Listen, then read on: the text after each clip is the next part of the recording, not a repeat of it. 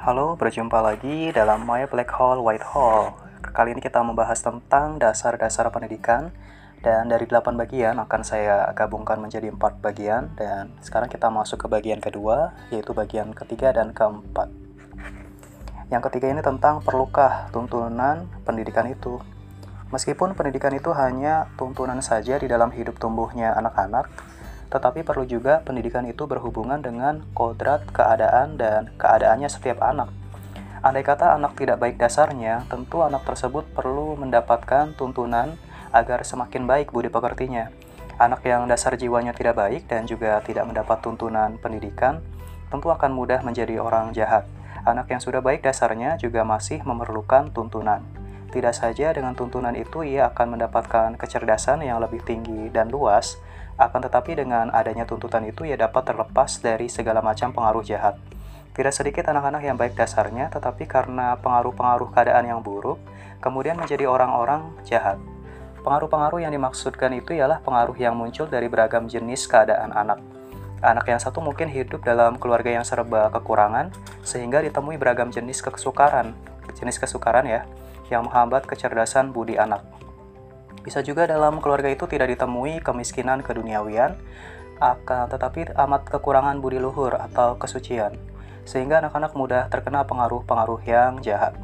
Menurut ilmu pendidikan, hubungan antara dasar dan keadaan itu terdapat adanya konvergensi. Artinya keduanya saling mempengaruh, mempengaruhi ya.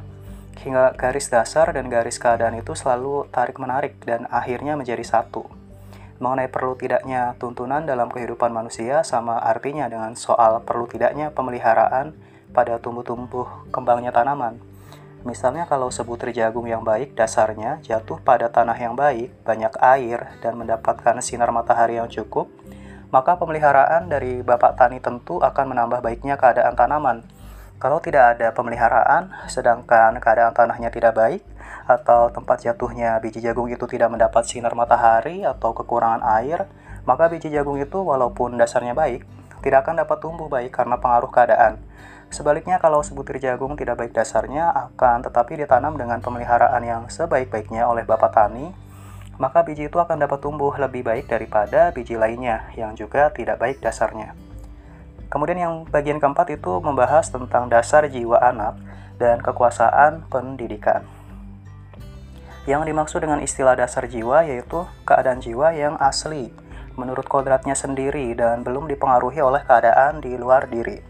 Dengan kata lain, keadaan jiwa yang dibawa oleh anak ketika lahir di dunia, di dunia mengenai dasar jiwa yang dimiliki anak-anak itu terdapat tiga aliran yang berhubungan dengan soal daya pendidikan, Aliran pertama yaitu anak yang lahir di dunia itu diumpamakan seperti sehelai kertas yang belum ditulis, sehingga kaum pendidik boleh mengisi kertas yang kosong itu menurut kehendaknya. Artinya si pendidik berkuasa sepenuhnya untuk membentuk watak atau budi yang seperti yang diinginkan. Teori ini dinamakan teori rasa. Lapisan lilin yang masih dapat dicoret-coret oleh si pendidik. Namun, aliran ini merupakan aliran lama yang sekarang hampir tidak diakui kebenarannya di kalangan kaum cendekiawan. Kedua ialah aliran negatif, yang berpendapat bahwa anak itu lahir sebagai sehelai kertas yang sudah ditulisi sepenuhnya. Sehingga pendidikan dari siapa pun tidak mungkin dapat mengubah karakter si anak. Pendidikan hanya dapat mengawasi dan mengamati supaya pengaruh-pengaruh yang jahat tidak mendekati diri anak. Jadi aliran negatif menganggap bahwa pendidikan hanya dapat menolak pengaruh-pengaruh dari luar, sedangkan budi pekerti yang tidak nampak ada di dalam jiwa anak tak akan diwujudkan. Ketiga ialah aliran yang terkenal dengan nama konvergensi teori. Teori ini mengajarkan bahwa anak yang dilahirkan itu diumpamakan sehelai kertas yang sudah ditulisi penuh. Tetapi semua tulisan-tulisan itu suram. Lebih lanjut menurut aliran ini, pendidikan itu berkewajiban dan berkuasa menebalkan segala tulisan yang suram dan yang berisi baik agar kelak nampak sebagai budi pekerti yang baik. Segala tulisan yang mengandung arti jahat hendaknya dibiarkan agar jangan sampai menjadi tebal, bahkan makin suram. thank you